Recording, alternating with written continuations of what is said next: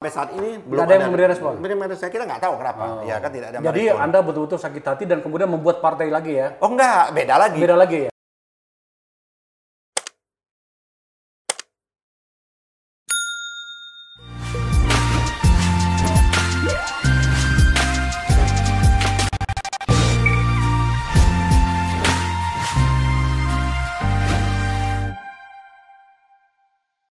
Assalamualaikum warahmatullahi wabarakatuh.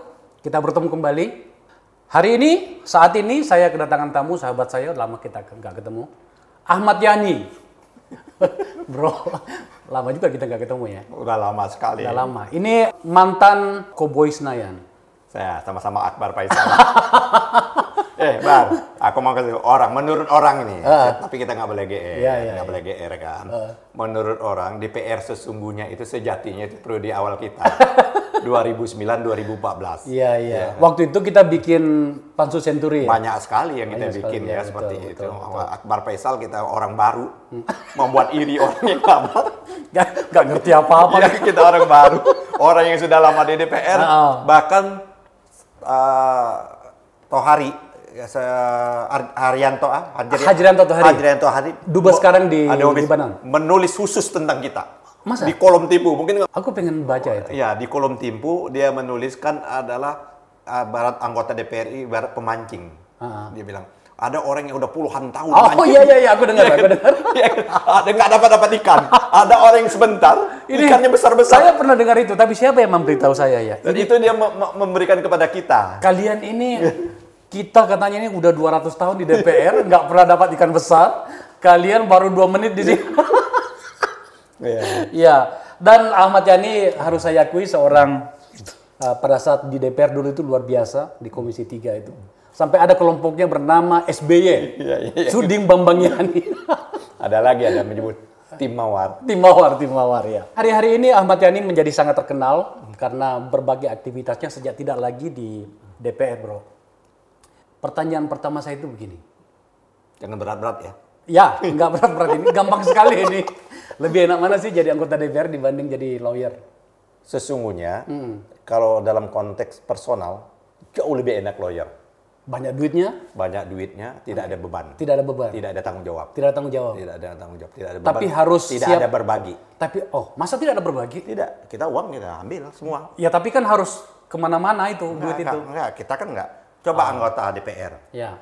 kita dapat uang konstituen kita. Mau tengah malam mau tengah hari. Iya kan? kita ke konstituen kalau ada uang mana padahal uang kita kadang-kadang uang reses itu kan berkurang.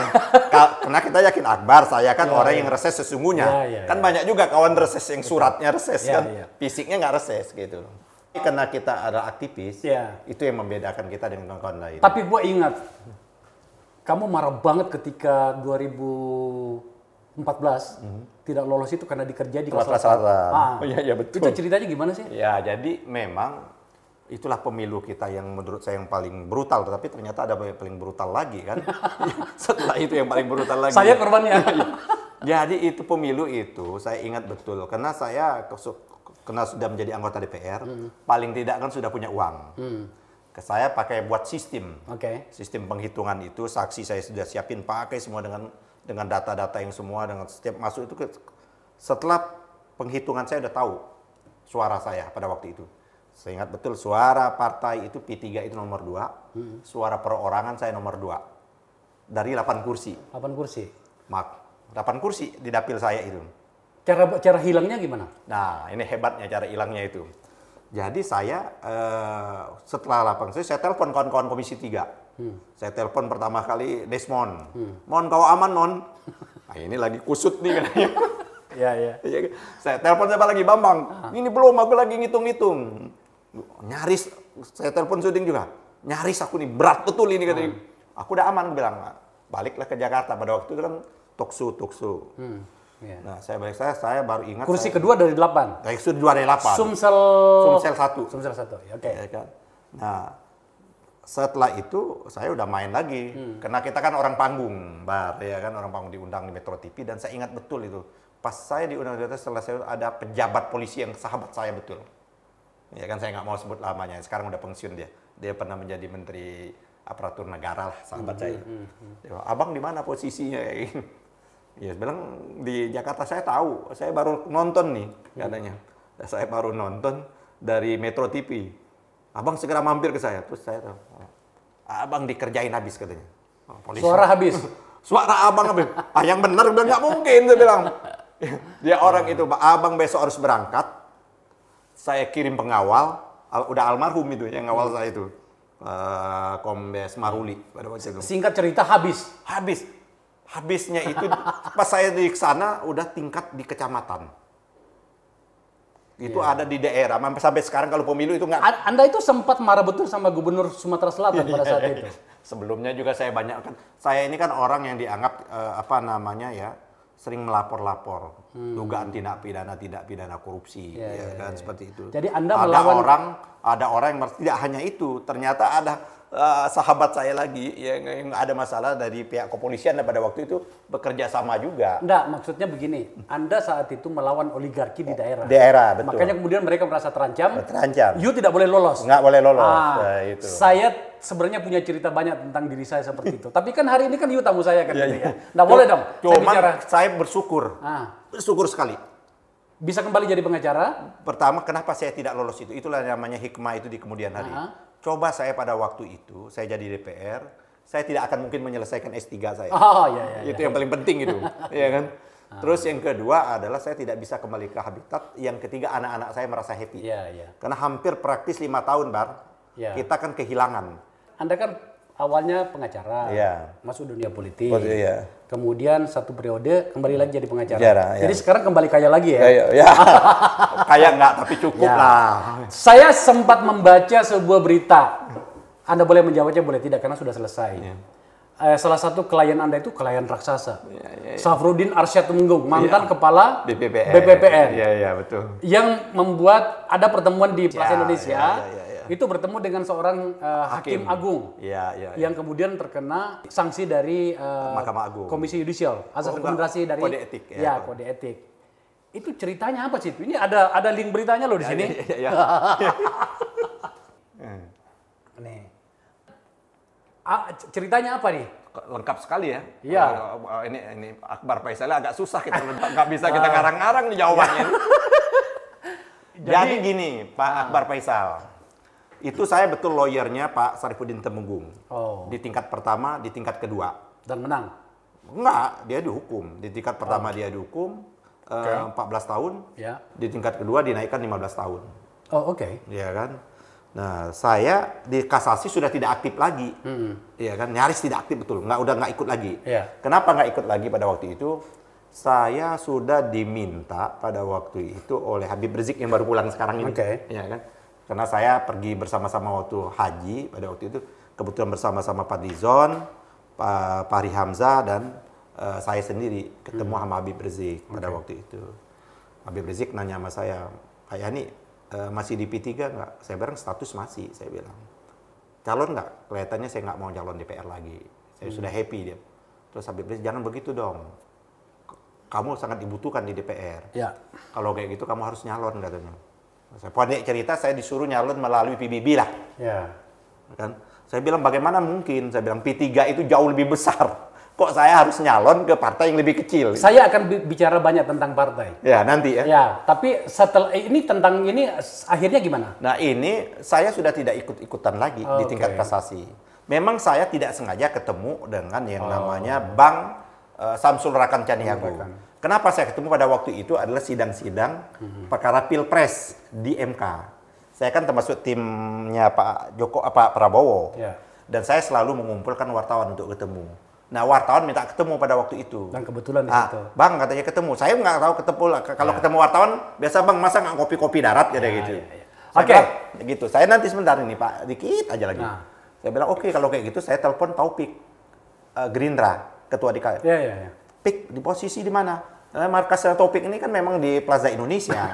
Iya, iya, iya. bilang udah ke sini aja. Tapi wartawan ya, tanggung jawab ya. Nah saya ke sana ketemu dengan wartawan kebetulan Bang Samsul itu ada di sana.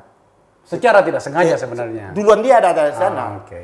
Itu sekitar jam udah mendekat maghrib jam 5 sekian saya ngobrol-ngobrol dengan wartawan terus Pak Samsul ngomong dia tanya ngapain kau masuk PBB orang Yusril kayak gitu kayak itu lah dia bilang. Ah, Baru ngomong-ngomong itu maghrib, ya kan?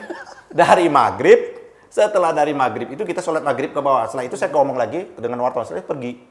Nah memang itu ada CCTV, ya kan ada CCTV. Dan ada yang melaporkan. Ada yang enggak CCTV itu diambil oleh KPK mungkin.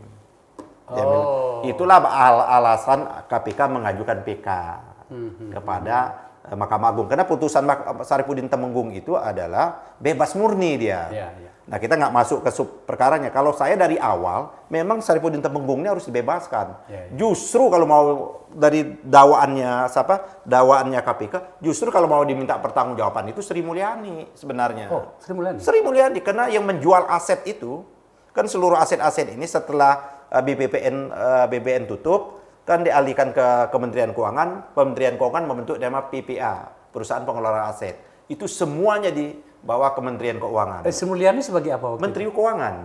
Dia sudah jadi Menteri Menteri- Keuangan. Menteri Pa- Keuangan. Pada masa Pada masa uh, BPPN kan belum pada saat Ibu Sri Mulyani. di- pada masa uh, SBY pertama. SBY pertama seperti itu. Kasusnya kan setelah, jauh setelah itu, bukan pada waktu BPPN awal. Hmm. Jadi kasusnya Saripudin Temenggung itu pada waktu bukan dia pada waktu ketua BPPN. Tapi Tapi menjelang berakhirnya BPPN itu. itu sudah lewat. Sudah lewat, nggak ada. Ternyata faktanya PK-nya KPK ditolak. Jadi argumentasi itu nggak ada. Tidak Hmm. Tapi ada korelasi. mendukung Pasam apa sampai Bebas, bebas, Bebas ya. bebas. Oke. Jadi memang itu perkara besar, bang. Iya, iya. Makanya saya tanya karena ini besar sekali. ya kan? Anda dari pengacara Tapi maka itu- sayangnya saya membela dia masih dihukum dia. Jadi nggak bisa minta sukses fee kita. Nah, kalau misalnya kita tanya, Hmm. kan sebenarnya ini kamu terkenal banget, bro. Hmm. Dari pengacara masuk politik, terkenal banget itu, oh, apa Cowboy Senayan Hmm. gitu ya. Terus kemudian jadi pengacara lagi, wajar kalau dapat ke klien seperti ini. Iya. Kalau kira-kira kita bikin kualifikasi itu, you memasukkan dirimu pada level mana nih? Besar, sedang, biasa gitu kan? Tergantung kita memandang dia. Nah, Kalau kita memandang kasus, ya, berarti saya memegang kasus-kasus besar termasuk kualifikasi besar. oke. Jadi ukuran besar kecil menengah itu kasusnya, bayarannya, Iya. atau isunya seperti itu. Oke. Kayak gitu loh. Kalau memang memang saya dunia saya hidup saya dunia pengacara jauh sudah jauh sebelumnya ya kan bahkan saya pendiri beberapa organisasi Saya tahu. Advokat saya seperti tahu. itu, Makanya Pak Akbar. saya harus masuk ke pertanyaan itu karena Anda salah seorang eh, pemain utama eh, pengacara-pengacara yang sedikit mau mikir gitu ya. Ya, bukan sedikit dong. Kasihlah penghargaan sama teman-temannya. Sekarang saya mau bicara sedikit yang berbau dengan politik karena kan Anda sekarang ini eh, agak banyak mengambil apa namanya porsi pemberitaan menyangkut dengan kegiatan-kegiatan. Ini kopimu Anda. enak banget nih. Hah? Kopimu enak Ini banget. ini bro, ini kuenya nih. Ini bini gua nih yang bikin nih. Ya, ya, ya, Ini. ya, ya, nanti kita makan. Ya, gitu.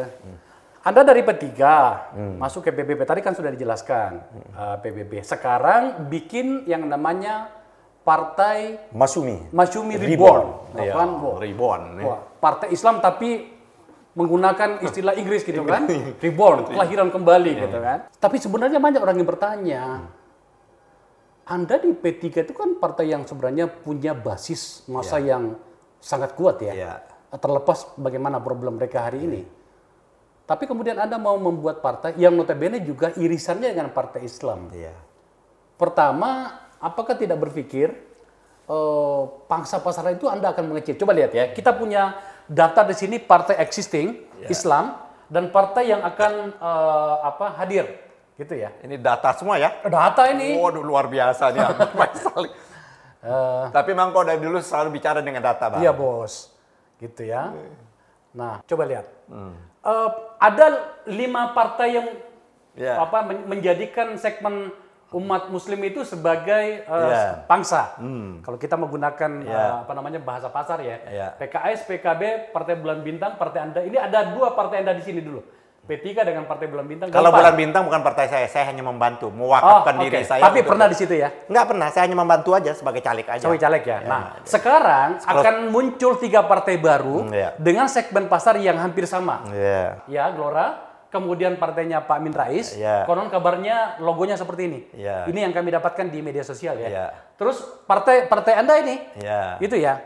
Oke, sekarang bagaimana memperebutkan pangsanya? gitu? Nah, boleh saya jawab ya. Silakan. Pertama, memang harus kita lihat kalau lihat segmentasi umat Islam ini kan kita harus lihat ke belakang. Ah. Masumi itu pernah memenangkan pemilu Oh tahun iya. 55. Iya. Dari 15 dapil, 10 dapil Hmm. yang dimenangkan oleh Masumi. Kursi sama dengan PNI. Tahun 1955 ya. 57. Iya. Ketua uh, pem- ini, penyelenggara pemilu itu Masumi pada waktu itu Perdana Iya. Menteri Pak Burhanuddin. Itu mendekati angka 47 persen sekian. Iya. Oke, itu suaranya Masumi. Terus mengalami fragmentasi, ya, Ya. kan mengalami fragmentasi. Fragmentasi ini eh, tahun 71, begitu banyak partai, ya kan. Ada NU, ada Parmusi, karena Masumi tidak boleh kembali. Ya. Karena harapan setelah Orde Baru, Orde Lama, Ya. Masumi itu kan dipaksa bubar oleh Bung Karno dengan provokasi PKI, Ah. karena dianggap menentang yang namanya revolusioner pada waktu Ya. itu, ya kan. Nah, Masumi pada waktu itu dipaksa bubar, tapi hebatnya tokoh-tokoh Masumi pada waktu itu dengan berpikir jauh ke depan, dia langsung tidak mau takut, takut kalau dia dibubarkan berarti partai terlarang. Tapi dia mengambil angle, membubarkan diri langsung menggugat ke pengadilan. Oke. Dan sampai sekarang putusan pengadilan itu tidak pernah ada. Nah, bergabung dia lagi umat ini tingkat di tahun eh, setelah tahun 71 di tahun 77 itu bergabung di partai saya itu di P3. Ya. Itu pusi empat partai Islam ada NU, ada Parmusi, ada Perti, ada SI. Ada. Tapi kita tahu pemilu Orde Baru kan kita mengetahui semuanya seperti itu. Ya. Kata-kata jujur dan adil itu kan selalu diperjuangkan oleh partai saya P3 pada itu. Itu baru bisa terlaksana setelah reformasi.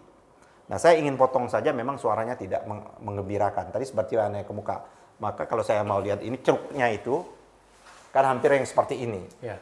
Nah, kita melakukan riset sesungguhnya. Riset kita itu, kenapa kita akhirnya memastikan awalnya itu, apakah kita akan masuk ke dalam partai-partai yang sudah ada ini, Aha.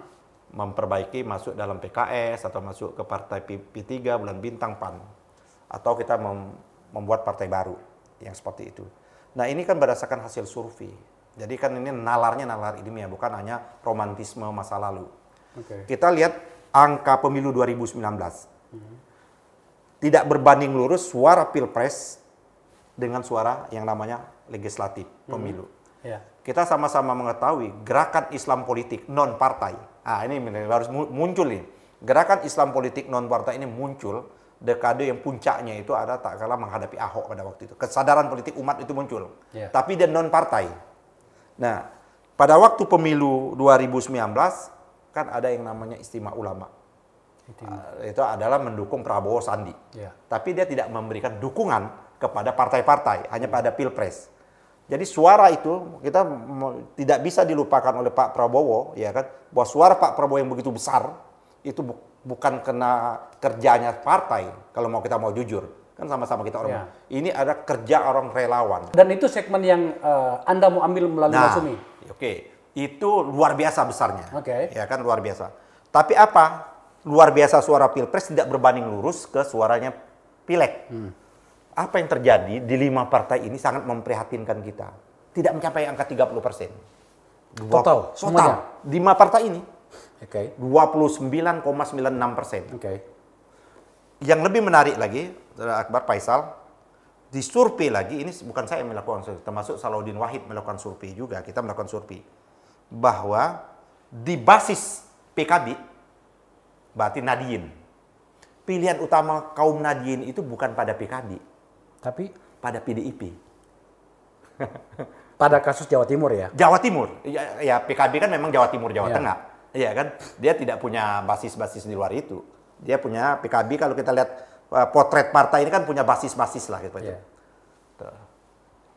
apa yang menyebabkan pemilihan atau kaum Nadiyin itu mereka tidak melihat garis demarkasi antara partai yang berazaskan Islam atau bernuansa Islam dengan partai-partai yang kita anggap quote and quote eh, partai sekuler. Ya.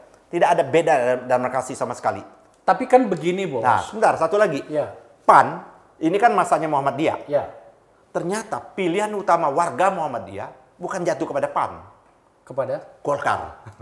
Oke. Golkar. Nah, kita melihat bahwa masih ada suara yang luar biasa. Ini kalau kita ambil saja suaranya Masumi, anggap ambil saja ada suara Masumi anggap 45 persen, dan 30, anggap aja 30 persen, ada suara 15 persen lagi yang swing. Yang itu yang kemarin yang mendapat limpahan Gerindra.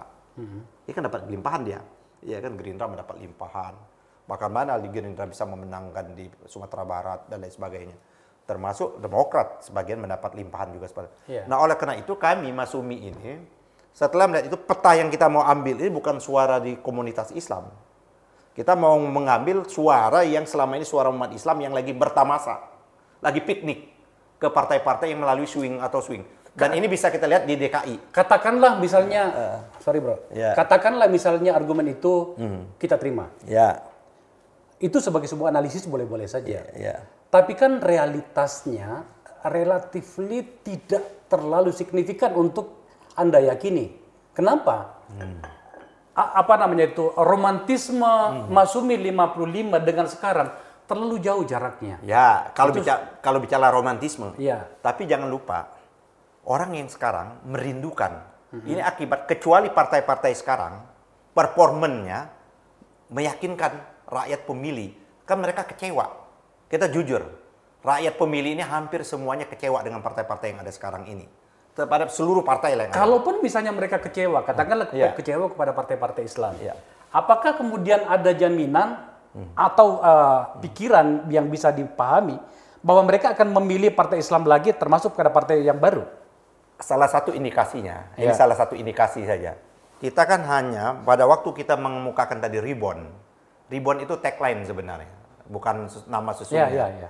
Ya kan tagline kita ribbon, kenapa kita menafsirkan kita mau lahir kembali, arti ribbon doa yang kedua adalah ikatan, mengikat kembali, yang ketiga luruskan, mau meluruskan cara berpolitik. Ya. Cara berpolitik kita kan sekarang ini terlalu pragmatisme, tidak punya ide dan cita-cita yang ideal seperti itu. Iya, Sa- saya ingin tetap ingin mendebat Anda Iya. soal itu ya karena Nah, saya ingin mengatakan tadi kan basis apakah dengan survei ini diikuti dengan data-data paling tidak menurut kami ya kami ini Masumi Ribon ini iya. Kita tak kala kita melemparkan isu Masumi ini apakah nama ini masih layak atau tidak ternyata dari kuesioner kita dari kuesioner kita mereka menginginkan Oke, Eh, seperti ya itu. mudah-mudahan seperti itu. Tetapi kan ya.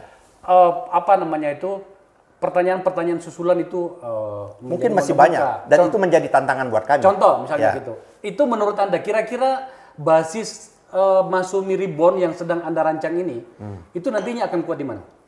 di luar Jawa Oh, luar Jawa. ya Oke.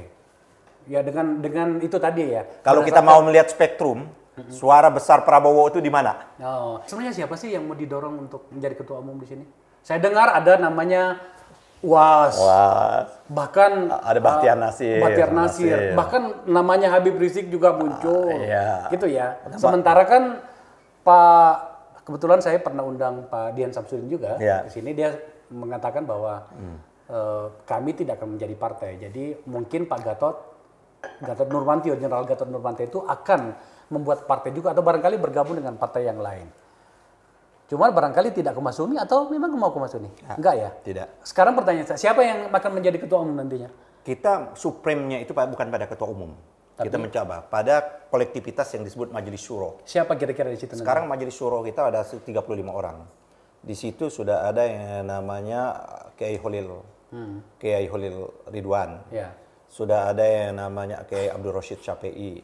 Sudah ada namanya Tengku Zulkarnain. Ya. Sudah ada nama Kiai Hasan Bisri. Ya. Sudah nama Jet Patula. Sudah ada nama yang namanya uh, yang selama ini hak mengharamkan politik u- ulama salaf. Tapi nama nama UAS nggak ada ya? UAS sama cuman kan UAS masih terikat Sebagai? ASN.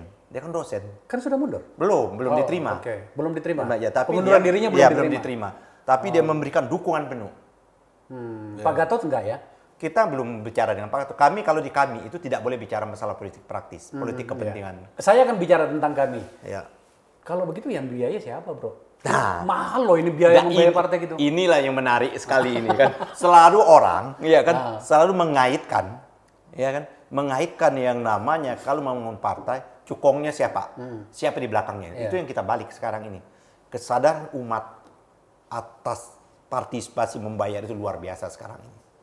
Maksudnya kadernya Mas Cumi sudah mulai membayar. Iya, kita belum belum partai saja. Hah? Cuman kita tidak mau nanti dianggap nanti mengkolek uang tanpa legalitas kan. Bahwa setiap kegiatan kita udah keliling. Kita alhamdulillah dalam waktu satu tahun ini, ya kan, tanpa biaya yang besar, ham, tinggal hanya empat provinsi yang kita belum. Kapan deklarasinya? Ya kita mungkin tahun depan.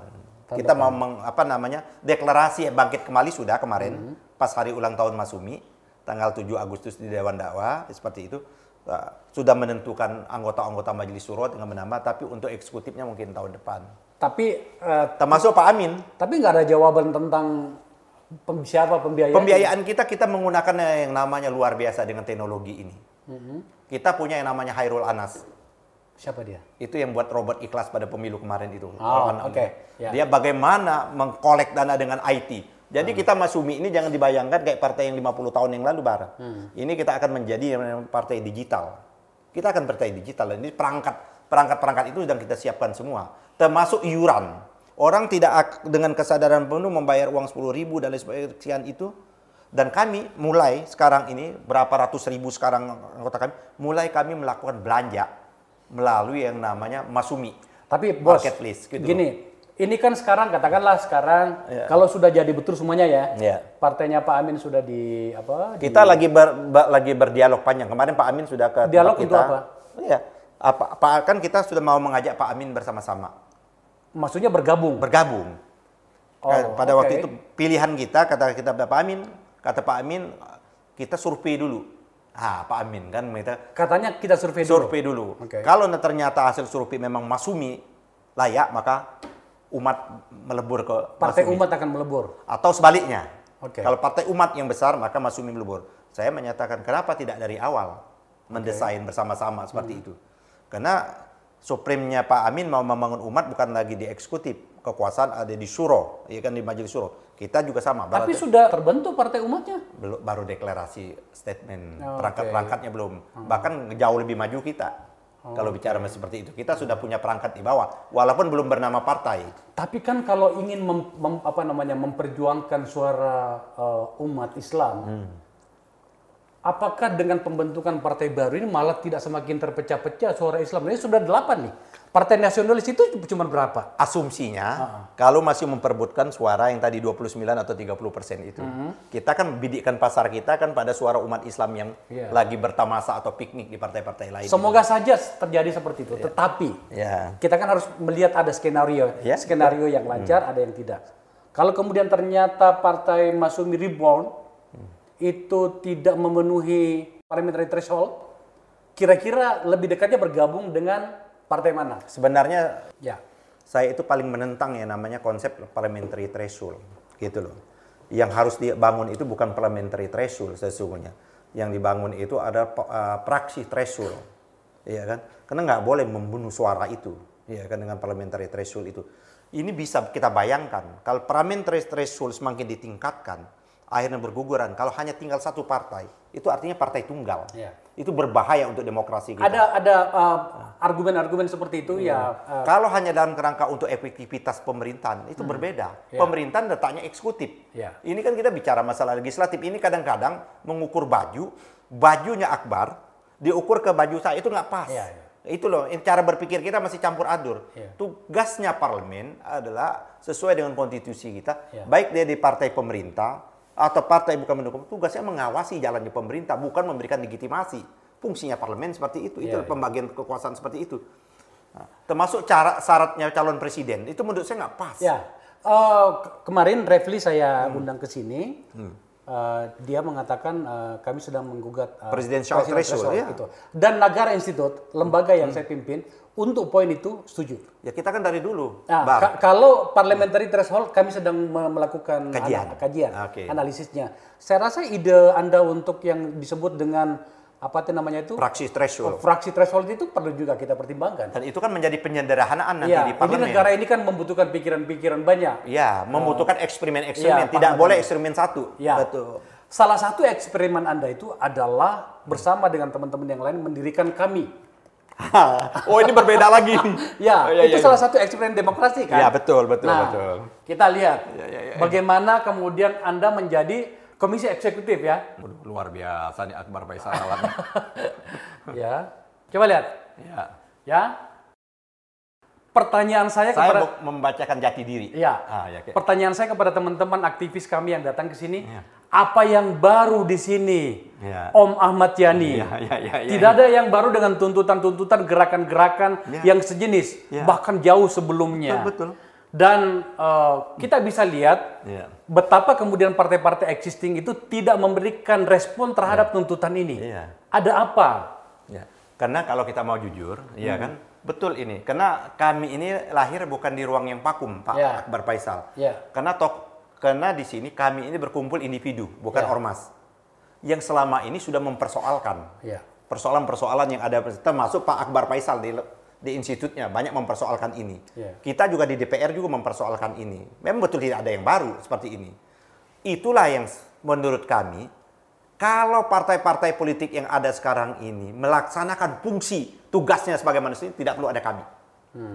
Justru kena buntu saluran ini buntu, ya kan? Seharusnya pemerintah berterima kasih sebenarnya. Karena ini nggak buntu, maka ada muncul kami. ini. Jadi ada eskalasi baru. Kalau tidak terjadi monolitik ini seperti ini. Ya, Ya, tentu seperti- saja argumen-argumen seperti ini penting dan Nah, saya- sa- kalau saya menyebut ini betul ada pendesak penyelenggara negara untuk menegakkan ini betul, Iya, tapi pa- praktek kan kita rasakan ini. Iya. Kan termasuk apa itu memperlakukan kembali itu dekret presiden, terus menuntut pemerintah serius. Ini juga masalah yang kedua ini memang dari awal. Bahkan kami sudah menggugat ini ke Mahkamah Konstitusi. ya. Seperti Tapi saya ingin lebih realistis. itu. Iya. Ini kelihatannya kami sudah mulai layu sebelum berkembang karena dedengkot dedengkotnya itu pada ke mana-mana. Ah. Pak Gatot eh, entah bagaimana lebih diam sekarang, terutama setelah apa sudah menerima ya tanda penghargaan itu. Tapi itu haknya memang, tidak boleh kita gugat itu. Saya setuju dia terima dan harus terima. Iya, sebagai Karena warga negara, pemberian negara itu. Iya, dan Iya. dia sebagai mantan panglima. Jadi menurut saya tidak Nanti tidak kita segmen itu kita bicara ketika tidak perlu kita apa, apa Persoalkan. namanya persoalkan itu karena saya memahami bagaimana mekanisme negara bekerja. Hmm. Tetapi kan kemudian hal yang lain, bahkan ada beberapa kawan kita, saya sedih juga karena orang-orang yang saya kenal itu sudah ditahan. Iya. Ganda, Jumhur gitu ya. Iya, iya. Dan bahkan Anda sendiri sudah nyaris. uh, mendapatkan panggilan Iya, ribut-ribut iya. pada saat pemanggilan pertama. Ya. Dan Anda Bukan menolak. ribut. Saya kan sebagai advokat, Advokat, kan ya. harus patuh dan taat pada hukum acara. Sudah dipanggil lagi. Do proses belum? Belum. Oh, sudah dipanggil. Kapan Sa- di- Saya kirim surat. Ya kan selasa yang lalu saya kirim surat bahwa panggilan ini menurut pandangan saya tidak sesuai dengan do proses kuhab. Hmm. Ya kan harus dijelaskan. Saya kan dipanggil sebagai saksi. Saksi. Saksinya siapa? Ya Nggak kan? ada di situ. Nggak ada. Perbuatannya apa? Ya kan? Oke. Hanya menguraikan uraian pasal-pasal. Itu yang saya persoalkan gitu, Pak. Lah itu aku pengen tahu, banyak orang pengen tahu. Sekarang kami bagaimana? Kami- Apalagi hari ini Ya. Datang Habib Rizik. Habib Rizik sudah datang seolah-olah menenggelamkan kami. Ya. Nggak, gitu. kami tetap berjalan. Nggak ada, tidak berjalan. Karena ikatan kita di kami itu adalah ikatan moral. Oke. Ikatan apa yang kita masukkan seperti ini. Dia tidak terikat dengan ruang dan waktu. Ya. Dan oleh karenanya begitu cepat kami ini sudah hampir seluruh Indonesia sampai kota kabupaten sampai luar negeri. Ya. Nah, yang dan kita bersepakat di kami, termasuk saya walaupun saya orang politik, tidak boleh membicarakan partai politik atau politik praktis di kami. Gerakannya semata-mata adalah gerakan moral. Memperjuangkan ini. Tak kala kita bicara masalah kepentingan, itu harus keluar dari kami, dari mejanya kami. Boleh dia meja. Karena kita masing-masing sudah punya meja masing-masing sebelumnya. Nah, apa yang kita sepakati di kami, contoh tema-tema ini yang sudah kita sepakati di kami itu, itu dituangkan dalam rapat keputusan deklarator, dituangkan dalam keputusan apakah itu presidium atau komite eksekutif. Itulah yang namanya keputusan kami. Dan kami tidak punya anggota. Orang lupa, "Oh, ini kami sifat organisasi kami ini karena dia gerakan moral, gerakan dia jejaring, jejaring, dia jejaring. Jadi ke kami itu nggak punya struktur pusat daerah tidak nggak ada. Delapan tuntutan ini betul kan tidak pernah ditawarkan kepada partai politik ya? Sudah, sudah semua kita sebarkan. Nah, ternyata Sampai saat ini belum ada yang memberi respon? Memberi respon. Kita nggak tahu kenapa. Ya kan tidak ada jadi merespon. Anda betul-betul sakit hati dan kemudian membuat partai lagi ya? Oh enggak, beda lagi. Beda lagi ya? Beda lagi gini. oke. Jadi bukan Masumi Ribon Ya. jauh, Jauh sebelum sebelumnya. kami Ya, gitu ya, loh. ya, ya. Cuman saya pada waktu saya di kami saya harus melepaskan baju Masumi Ribon Ya, gitu. saya- Kayak sebenarnya teman-teman eh, yang katakanlah ganda, jumhur, sekarang gimana posisinya? Masih ditahan. Menurut pandangan kami, ini menurut pandangan kami, apa yang dilakukan oleh Saganda ini banyak persoalan sebenarnya apa yang dilakukan oleh kawan-kawan kepolisian. Menurut kami masih dalam pandangan, boleh nggak saya nak membawa bahan nanti ya? Saya berikan contoh. Ma- masih dalam pandangan adalah kebebasan menyatakan pendapat dan ekspresi. Anda kan sebenarnya tahu, Hmm. teman-teman itu tahu, Jumhur uh, apa namanya aktivis karatan Ya. se- luar biasa gitu Ya. kan. Sejarah pergerakan Indonesia itu mencatat nama Jumur, Ghana dan lain-lain itu pada peristiwa eh, di Bandung ya, Ya. penolakan Rudini di Bandung Ya. dulu. Sekarang kenapa kemudian teman-teman eh, tidak mulai membiasakan untuk memaksa partai politik? Saya gunakan kata memaksa loh Ya. memaksa partai politik untuk memperjuangkan agenda kita. Lawang pada saat pemilu mereka minta suara kita kok. Pertanyaannya, Ah, jangankan itu stakeholder yang betul-betul sungguh tentang omnibus law ini kan juga sudah tidak dianggap di pembahasan Hmm. di DPR itu tuh, Bar. Mungkin beda pada waktu kita dulu. ya, Kalau kita dulu, kalau kita menampung aspirasi, ya betul kita perjuangkan aspirasi itu, Iya. bukan yang namanya. Saya nggak tahu ya. Sekarang ini apa hanya sebagai memenuhi syarat formalitas Iya. Undang-Undang Karena- dua- 12 tahun 2011. Iya. Kan itu ada syarat untuk Betul. partisipasi itu. karena begini bos, ini kan kadang-kadang eh, ada banyak suara yang mengatakan begini, teman-teman yang kebetulan punya agenda, eh, terutama di tokoh-tokohnya itu membuat eh, gerakan seperti ini, tapi sebenarnya itu ada agenda yang lain. Anggaplah itu adalah sebuah celotehan yang tidak perlu didengarkan, tapi kadang-kadang juga menemukan realitas seperti itu, gitu ya. Nah, kenapa kita tidak paksa partai politik ini agar kemudian partai politik ini kuat? Ya, itu kan satu sisi. Ah, ah. Pertanyaan saya, apakah partai politik yang satu entitas partai politik yang begitu kuat ini, apakah tidak boleh lagi ada civil society punya pandangan-pandangan lagi? Pertanyaan saya. Ini kan bagian dari demokrasi. Iya, iya, Ya tentu kan, saja mendirikan organisasi Ya kan? adalah hal yang Termasuk biasa. bukan berarti kalau kita sudah memberikan mandat baik pada pilpres, pilgub, pilbub maupun partai bukan berarti hak partisipasi rakyat dan demokrasi menjadi habis. Iya. Menunggu lima tahun kemudian tidak seperti itu kan? Iya, betul. Yang seharusnya, kalau menurut pandangan saya, Hmm. kalau partai politik ini berjalan ideal, ideal ya, suara-suara ini nggak muncul. Iya, iya. Saya yakin, saya yakin yakinnya betul itu. Bro, kalau kemudian Atau anggota DPR lah, ya, kalau dia betul-betul menyerap aspirasi, karena dia sudah ada wakilnya. Iya, iya. Masalah ini kan ada jurang pemisah antara kawan-kawan di Senayan, antara di dan di luar Senayan seperti Iya, itu. Itu betul. problem kita. Nah, problemnya ini mungkin yang institutnya Bang Akbar Iya, iya. Faisal ini yang harus kami di sini mengkajinya Bagaimana mengkaji? Menurut persoalan, kalau menurut pandangan saya, Hmm. rusaknya negara ini, rusaknya sistem sebagian besar adalah kontribusi partai politik yang tidak mandiri. Saya rasa ada bagian tertentu itu benar. Iya kan? Ah, ah. Saya ingin tanya, kalau kemudian Rib- ah, Masyumi Reborn Hmm. besar dan memenangkan ah, pemilu 2024. Pertama, siapa presiden yang akan dia usung? Anda sebagai apa sih di Masyumi Reborn? Saya sekarang anggota Majelis Syuro Iya. dan salah satu inisiatornya. Nanti kalau sudah jadi organisasinya, kira-kira jadi apa? Ketua umum, Ya. wakil ketua umum, sekjen? Saya kalau diputuskan oleh Majelis Syuro mau ditempatkan di mana pun saya bersedia Oh, ketua oke. umum sekjen Oke. seperti itu. Kira-kira kalau nanti besar, siapa calon presiden yang diusung oleh Mas Yumi? Iya. Kemudian yang kedua, apa pertama tindakan kebijakan yang di- akan dilakukan eh, Mas Yumi kalau memenangkan pertarungan? Pertama adalah kan kita harus realistis. Kita dorong betul tentu bersama-sama Bang Akbar Faisal Iya. juga. Kita harus hilangkan yang namanya presidential threshold itu. Oke. Itu yang pertama pertama.